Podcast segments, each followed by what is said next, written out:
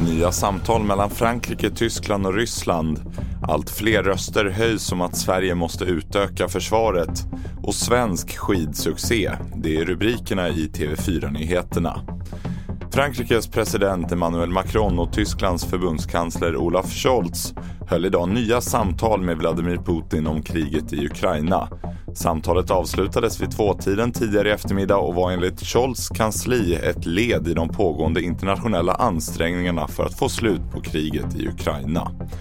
Samtidigt har Tysklands före detta förbundskansler Gerhard Schröder fått hård kritik efter att ha åkt till Moskva och träffat Putin i torsdags. Utrikesreporter Jonas Källgren på plats i Tyskland berättar hur invånarna reagerat på det här. Hade det varit någon som man känner är oberoende, någon som är neutral eller någon som kanske står i alla fall stadigt med fötterna på västs sida, på ukrainsk sida, då hade man väl inte blivit så upprörd. Men nu det där Gerhard Schröder som man redan misstänkte var alldeles för vänlig mot Putin, Eh, för vänligt inställd mot den ryska regimen, då, det är därför det då blir sådana här starka känslor. Och efter Rysslands invasion av Ukraina och det osäkra omvärldsläget höjs nu allt fler röster om att Sverige måste utöka sitt försvar. En del i det bör vara att den svenska värnplikten utökas ytterligare.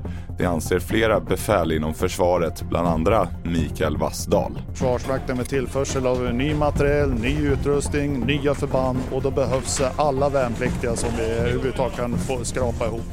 I den här tillväxttakten som det är nu och ser ut att gå väldigt fort och behovet att växa väldigt fort så skulle jag tro att vi skulle behöva fler värnpliktiga.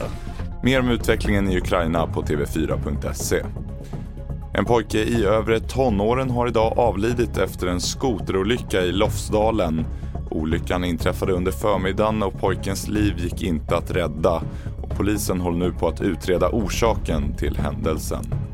Slutligen sport för längdskidåkarna Kalle Halvarsson och Jonna Sundling knep var sin andra plats i världscupen i Falun idag och den lyckade skideftermiddagen avrundades sen med att Elvira Öberg vann massstarten i skidskytte i estländska Otepää.